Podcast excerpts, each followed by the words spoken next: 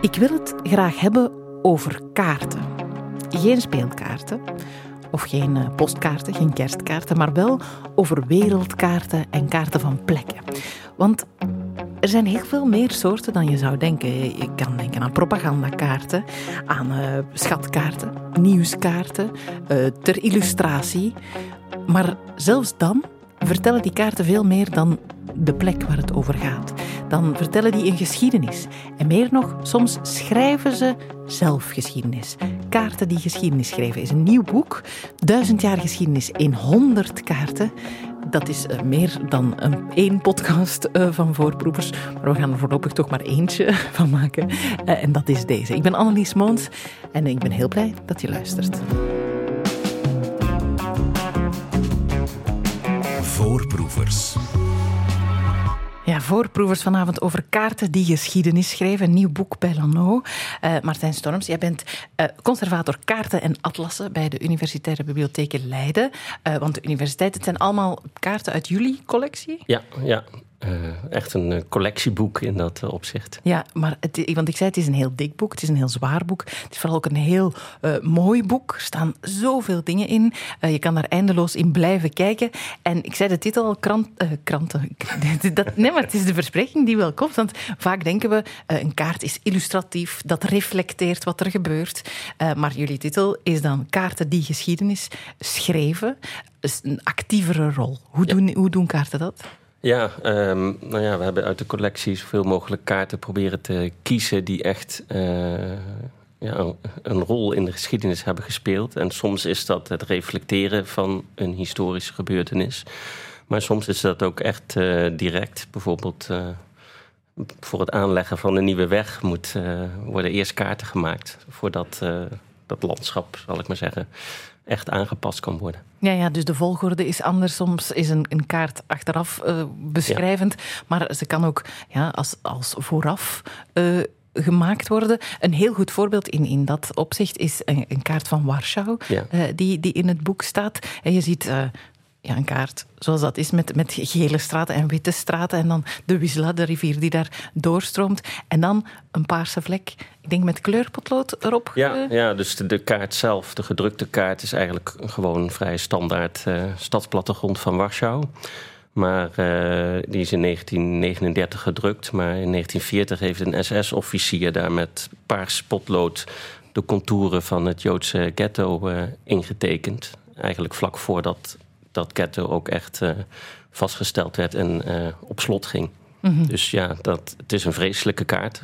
Maar uh, dan komt die geschiedenis wel heel, heel dichtbij als je naar zo'n kaart kijkt. Ja, ja, Vertel je een andere geschiedenis als je ze via de kaarten vertelt? Ik denk het wel. Um, ja, bijna alle aspecten van de geschiedenis hebben ook een geografische component. Hè. De geschiedenis speelt zich ergens af. Dus bij heel veel uh, historische onderwerpen uh, kan je eigenlijk veel duidelijker inzichtelijk maken als je dat op een kaart afbeeldt. Mm. En waar ze ook voor gebruikt worden, want als we het dan over oorlog hebben, dan moeten we wel naar een andere oorlog, de Eerste Wereldoorlog. Maar er is ook een kaart die mij heel erg is bijgebleven, is die van een, een Britse octopus ja. die zijn tentakels uitspreidt over de hele wereld. Uh, wat dan de Duitsers waren, die zeiden van die, die Engelsen met al hun impact overal en hun...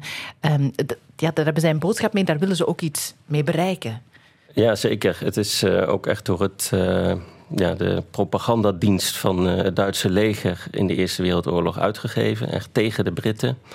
Um, en dan Groot-Brittannië weergegeven als een uh, agressieve octopus... die met het hele koloniale geschiedenis van uh, Groot-Brittannië...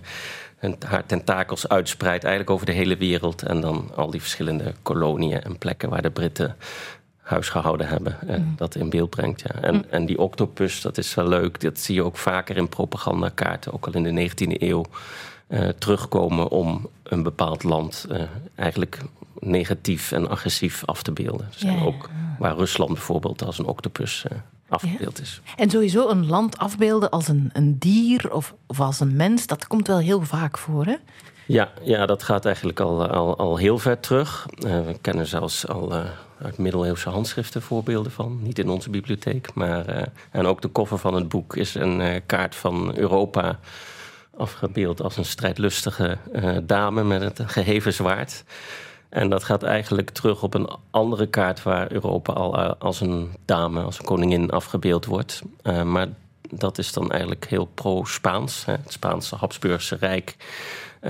waar dan in de eerste helft van de 16e eeuw al van wordt gehoopt dat dat vrede en rust in Europa brengt. Maar tijdens de opstand in de Nederlanden is het, zijn het juist dan de Hollanders die uh, dat beeld gebruiken en hervormen. En dan juist die Spaanse koningin als uh, agressief en strijdlustig afbeelden.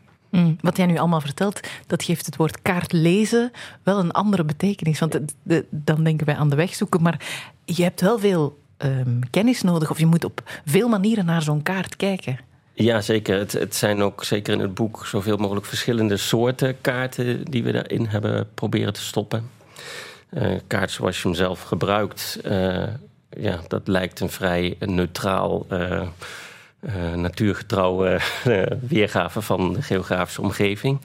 Maar dat is lang niet altijd het geval. En eigenlijk bijna nooit, omdat je altijd af moet vragen wie heeft die kaart gemaakt. En ja, dat altijd een beeld van de wereld of een deel daarvan is vanuit een bepaald perspectief. Ja, ja. Mag ik zeggen, een kaart is nooit neutraal? Ja, dat kan je eigenlijk wel zeggen, ja. Ja. Um, en je zei, we hebben zoveel mogelijk verschillende soorten kaarten willen samenbrengen in dit boek. Hoe hebben jullie gekozen van, we gaan deze honderd uit onze grote collectie? Ja, dat was nog een hele klus. Dat heb ik gelukkig niet alleen gedaan. De redactie bestaat uit zes mensen. Ook drie historici van de faculteit geesteswetenschappen bij ons. En een paar collega's van de bibliotheek. Um, dus ik heb een, we hebben een groslijst gemaakt met zo'n 300 kaarten stonden daarop. En ja, dan gekeken zoveel mogelijk verschillende onderwerpen aan bod kwamen. Ook een beetje een spreiding over de tijd. En uh, ook dat verschillende regio's op de wereld goed genoeg aan bod kwamen. En daardoor zijn er wel heel wat ook hele mooie kaarten af moeten vallen. Dat, het kill your darlings uh, principe.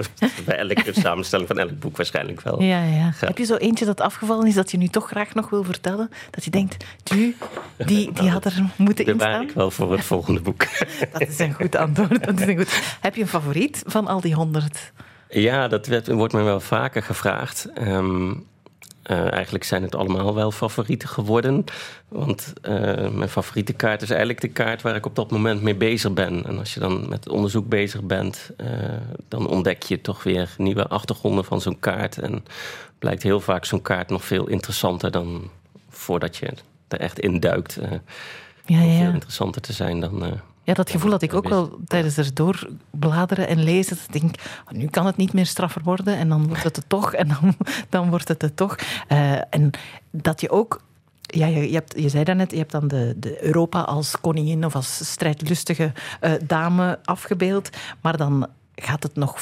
In de details zitten dan ook nog kleine tekeningetjes. En je kan eigenlijk uh, niet stoppen met naar te kijken. Nee, nee dat, dat is al wel uh, bij mij sowieso een probleem. en was je daar als, als kind dan al ja, ja, als jong, jongetje zat ik thuis al uh, uren in de atlas uh, van mijn ouders te bladeren. Ja. ja, en dat is nooit meer weg. Dat is nooit meer weggegaan. Gelukkig. Voorproevers. De kaarten in dit boek zeggen zoveel dat je bijna zou vergeten dat ze soms ook gewoon een plaatsaanduiding zijn. Eh, maar ze doet veel meer dan dat. Daarnet hadden we het al over het schrijven van de geschiedenis, over propaganda ook. Ehm, ik mocht al stellen, Martijn uh, Storms van jou, dat uh, kaarten nooit neutraal zijn. Um, ja, je moet natuurlijk keuzes maken als je een kaart maakt. Bijvoorbeeld, wat zet je in het midden? Wat, wat is er in eerste opslag belangrijk, denk ik dan? Maar ja, sowieso moet je keuzes maken, omdat een kaart natuurlijk ook altijd een verkleining van de werkelijkheid is. Dus uh, ja, het is een beetje de kunst van het weglaten. En wat, is, wat zet je in het midden, zeker bij wereldkaarten, uh, is natuurlijk van belang. En eigenlijk zet elk land uh, zichzelf in het midden. Ja, is dat zo? Is een wereldkaart bijvoorbeeld altijd vanuit in China is dan een ander. Bij ons is dat zo wat aan de zijkant altijd dat het staat. Ja, ja, dat is op zich logisch dat Europeanen Europa een beetje in het midden van de kaart zetten. Je maakt toch een kaart van de wereld om je heen, bijna letterlijk. En uh, in het boek staat ook een uh, grote Chinese uh, wereldkaart. dat lijkt een kaart van China, maar dat is dan eigenlijk verkleind tegen China aangeplakt, helemaal eromheen. Ook de rest van de wereld te zien. Dus China eigenlijk ook in het midden, maar ook uitvergroot ten opzichte van de rest van de wereld. Ja, ja, want wat waar staat is één ding, maar wat je dan groot maakt, Ja, ja. is dan nog een, eh, een andere keuze eh, die gemaakt wordt. Ehm, is, is er een groot verschil in tradities qua kaarten over de wereld? Ja, zeker wel. Ehm, eh, de westerse of Europese traditie is wel vrij dominant geworden. Ook door het hele koloniale verleden natuurlijk. Maar daarnaast hebben zeker in China en Japan ook een hele lange en rijke cartografische traditie. Maar die kaarten zien er wel eh, heel anders uit. Wat zijn de, de als de grote verschillen? Ehm, nou, eigenlijk, ehm, ja, het is wat picturaler of wat meer, eh, ja, hoe, hoe leg ik dat nou uit? Ja, het is radio, moeilijk soms. Teken.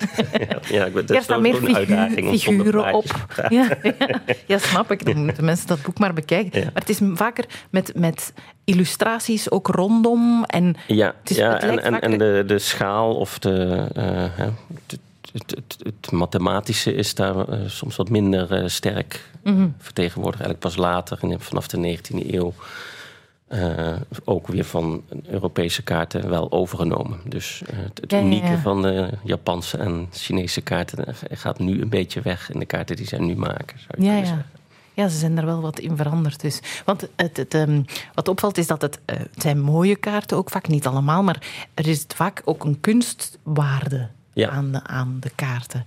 Is dat een, een, een grote traditie? Was dat eigenlijk ook een kunstobject? Of is het toch... Ja, eh, er vroeger nog meer dan eh, tegenwoordig over het algemeen, denk ik. Eh, cartografen en kunstenaars waren ook allebei lid van de Lucas-schilden. Dus hetzelfde ambachtsschilden, zeg maar. Ah, ja.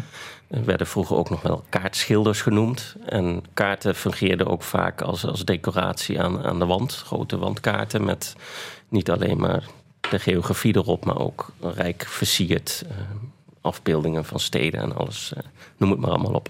Ja, ja. Ja.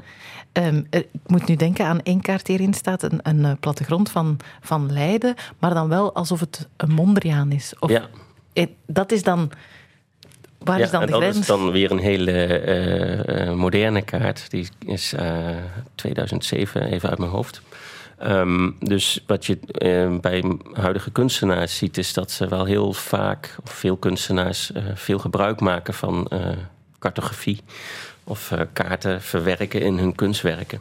Ja, ja, ja. mapping wordt dat ook wel genoemd. Ook niet geografische informatie als een soort van een kaart weer proberen te geven. Ja, daarnet viel het woord ook al, het kolonialisme. Ja. Het is al een paar keer gevallen. Als het gaat over een kaart is niet neutraal, dan zijn eh, kaarten uit, de tijd, uit die tijden wel, wel hele ja, opvallende voorbeelden. Ja, ja ehm, eh, de cartografie heeft altijd gefloreerd. Niet alleen met, ja, bij oorlog en strijd, maar zeker ook bij kolonialisme. Eh, dus de nieuwe machthebber, of die macht op een gebied uit wilde oefenen, wilde dat ook in kaart brengen. Nou, in onze collectie, Nederlandse collectie, zijn er natuurlijk heel veel kaarten van de VOC. Ook de WIC, de West-Indische Compagnie. Een mooi voorbeeld daarvan is wel een plattegrond van een fort aan de eh Coromandelkust, de oostkust van India. In het dorpje Bimili-Patnam. Mooie naam. Eh, waar dan in de 18e eeuw eigenlijk midden in dat dorp een VOC-fort gepland wordt. met toestemming van de lokale heerser. Ehm, maar de helft van dat oorspronkelijke dorp moest daarvoor eh, wijken. Dus eh, ja, dat is wel heel eh, opvallende kaart ook in het boek, denk ik. Ja, ja, ja. En tonen ze de, de manier waarop er alleen maar ook daar centraal gezet wordt, de, degene die de kaart maakt? Is er aandacht voor de lokale bevolking en wat er daar... Ja, op die kaart toevallig wel, wat eigenlijk vrij uitzonderlijk is. Want de meeste plattegronden van forten van de VOC zijn heel kaal en ja, alleen maar het fort.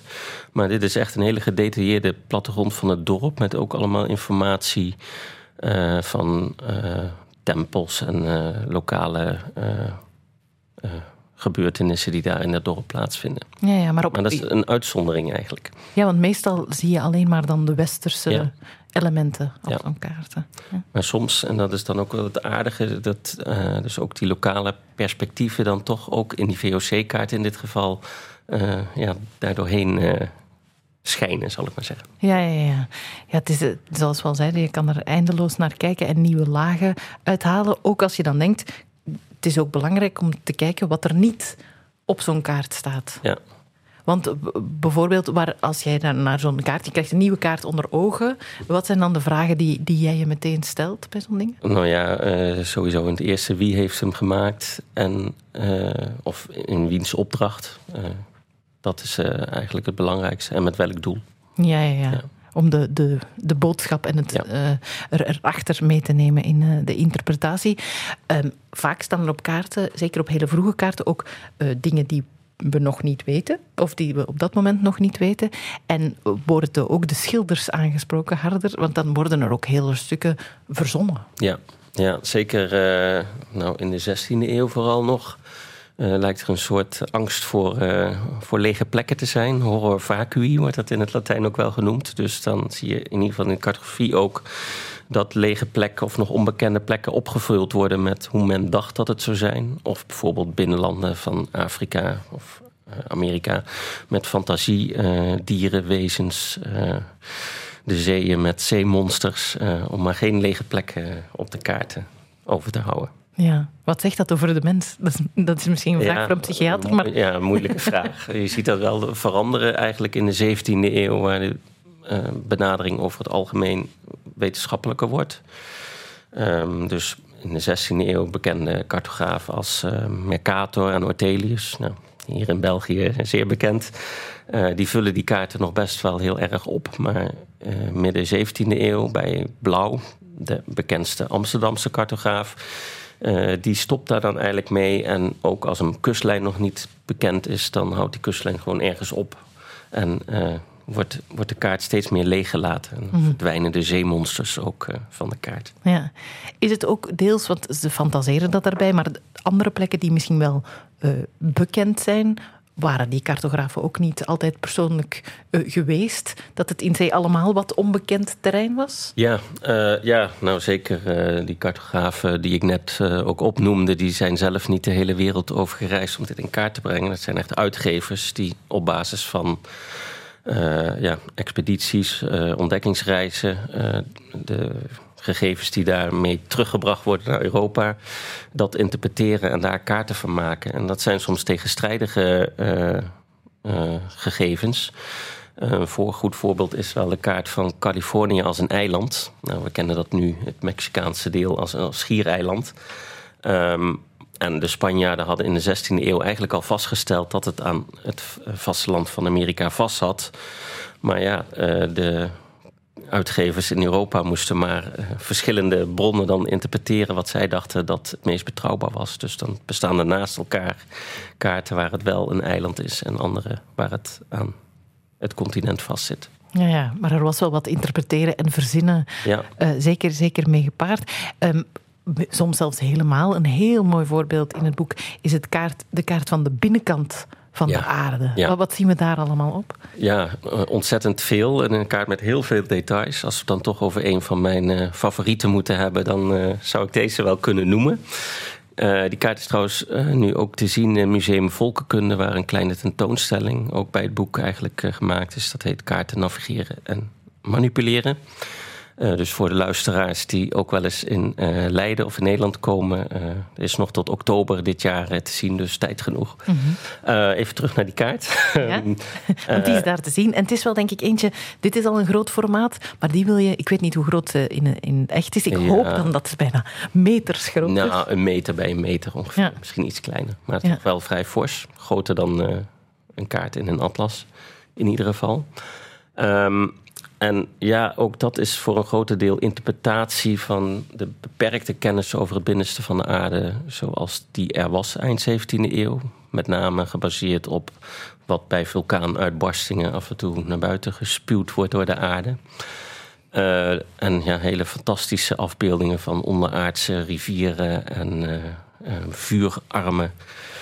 Uh, ook heel veel uh, afbeeldingen van uh, zaken die met mijnbouw te maken heeft. Dat was natuurlijk een ander aspect waar men wel iets van kennis van had.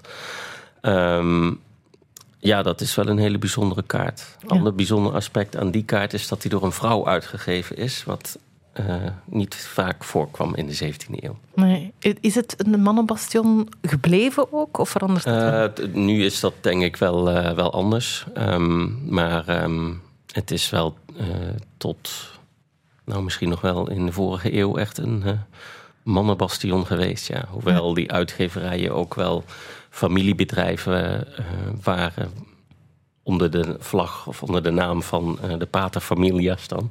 Waar waarschijnlijk de vrouw en dochters ook mee werkten in die uitgeverij.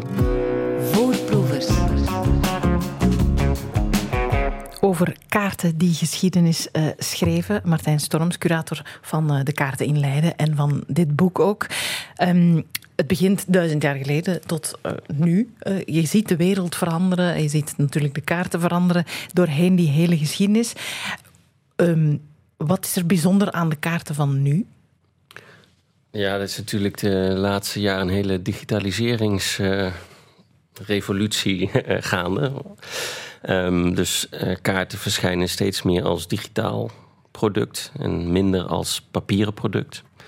Eh, dus dat is wel een eh, grote verandering. Mhm. Ja. Ja, het is niet meer het een beetje nostalgische idee van naar het zuiden van Frankrijk rijden met dan zo'n kaart die niet meer terug opgevouwd eh, geraakt en dat soort dingen. Misschien was dat toch ook niet heel erg praktisch. hè? Of vooral ook die boeken waar je dan zo naar de andere pagina Ja, moest ja. gaan. En zo. Het was Ja. niet altijd praktisch, was het niet. maar toch, eh, ik denk dat ook in de toekomst altijd ook wel papieren of fysieke kaarten zullen blijven bestaan. Mhm. Je vindt ze nog steeds eh, bij de toeristenbureaus als je in een stad op bezoek bent. Ehm, of bijvoorbeeld, ehm, even kijken, een atlas, dat zal ook, toch ook altijd wel als papieren boek eh, blijven, denk ik. Maar eh, ja, digitaal wordt natuurlijk wel steeds belangrijker. Mhm. Ja, en het, het kunstige aspect misschien Ja. ervan. Ja, dus kaarten als kunstwerk, ook dat, eh, ja, dat lijkt alleen maar toe te nemen. Dus Ja? ja, ook in, in de tentoonstelling in Leiden zijn daar juist een aantal mooie, verrassende voorbeelden van te zien. Ja, ja, dus je kan meer aan je muur hangen dan... Ik moet nu de hele tijd denken aan zo'n wereldkaart waar mensen dan zo op, Ja, ja. of inkleuren of pins opzetten waar ze dan geweest zijn. Ja, Dat zie je wel nog veel natuurlijk. Ja. Ook dat. Dus kaarten, kaarten gaan voor jou niet uitsterven. Zeker niet. Nee, nee, want de wereld blijft ook veranderen. Ehm, nou ja, helaas, eh, er zijn nog steeds oorlogen, grenzen verschuiven. Eh, klimaatverandering leidt tot allerlei eh, veranderingen in het landschap. Dus ja, voor allerlei eh, zaken die je maar kan bedenken, zal het nodig zijn om dat in kaart te brengen. Dus dat zal blijven, voor een groot deel digitaal, maar toch zeker ook op papier. Ja, dus het idee dat je zou kunnen hebben van alles is bekend, want we hebben alles, we weten alles liggen, dat klopt eigenlijk niet. Ja, dat is op, op, op dit moment is het misschien allemaal bekend. Hoewel ook eh, onder zee, eh, de diepe troggen, ook daar eh, valt nog wel wat te ontdekken, geloof ik. En in het heelal natuurlijk. Maar ehm, het verandert steeds, dus je zal het steeds opnieuw moeten blijven ontdekken. Mhm. Ja, ja. Eh, grenzen die verlegd worden, eh, dan moeten we naar, naar Oekraïne. Ehm, bijvoorbeeld als het daarover gaat, hoe spelen kaarten daar een rol? Ehm, nou ja, ehm, op Twitter kan je elke dag eh, een nieuwe update vinden van de situatie. En dan heeft weer Rusland of Oekraïne een dorpje veroverd. En dat is van dag tot dag te volgen. Dus daar, ja, daar, bij strijd altijd al hoor. Eh, Spelen kaarten een hele belangrijke rol. Ja. ja, en ik moet ook denken aan de coronapandemie. Ja, ja. Dan, Ja, eh, ja, ziektes eh, is een ander voorbeeld. Er staat een mooi voorbeeld in van de 19e-eeuwse kaart van de verspreiding van de cholera-epidemie, wat in India begon en eh, zich langzaam over Azië en ook richting Europa verspreidde. Toen duurde dat nog eh 15 jaar of zo voordat het Europa bereikt had. Dus je ziet dat de wereld wel in dat opzicht kleiner is geworden en Mhm. zo'n ziekte zich veel sneller over de hele wereld verspreidt. Ja, ik herinner mij uit die periode dat dan eh, van bijvoorbeeld de regio Oost-Brabant, waar ik woon, een hele kleine regio, dan elke dag dat kaartje met die cijfers op, Ja. van daar zoveel gevallen en daar zoveel gevallen. Dat is heel eh, behapbaar op een manier. Het is, het is heel helder. Is dat denk ik waarom kaarten zoveel gebruikt worden om zulke dingen te duiden? Ja, voor dat soort spreidingspatronen heb je het dan eigenlijk over. ehm, goed in beeld te brengen is het veel duidelijker om daar met een kaart te doen dan om dat in tekst eh, uit te leggen. Want dan heb je niet in één opslag uh, het overzicht van wat nou de gebieden zijn waar de ziekte het meest toeslaat, bijvoorbeeld. Ja, ja, want en een is... kaart kan het in één, in één klap duidelijk maken. Ja, ja, dat is ook wel waarom het bij nieuws, nieuwskaarten, dat is een groot onderdeel van Ja, het boek. ja. Ook iets waar ik nog niet zo heel veel had over nagedacht. Van ja, dat is wel heel vaak, dat is ook iets wat al sinds het begin van de cartografie bestaat, die nieuwskaarten. Ehm, ja, nou, zeker eh, vanaf de 16e en 17e eeuw. eh, in ieder geval in de Nederlanden. Als er overal eh, belegeringen zijn eh, in Europa, maar ook eh, over zee. eh, dan ja, wordt elke overwinning graag met een nieuwsprent... die dan als los blad uitgegeven wordt, wereldkundig gemaakt. Ja, waar soms ook wel een beetje gekke vergissingen of niet echt vergissingen. Maar er is één heel grappig voorbeeld. Jij mag het vertellen, want dan gaat het over ja. een belegering.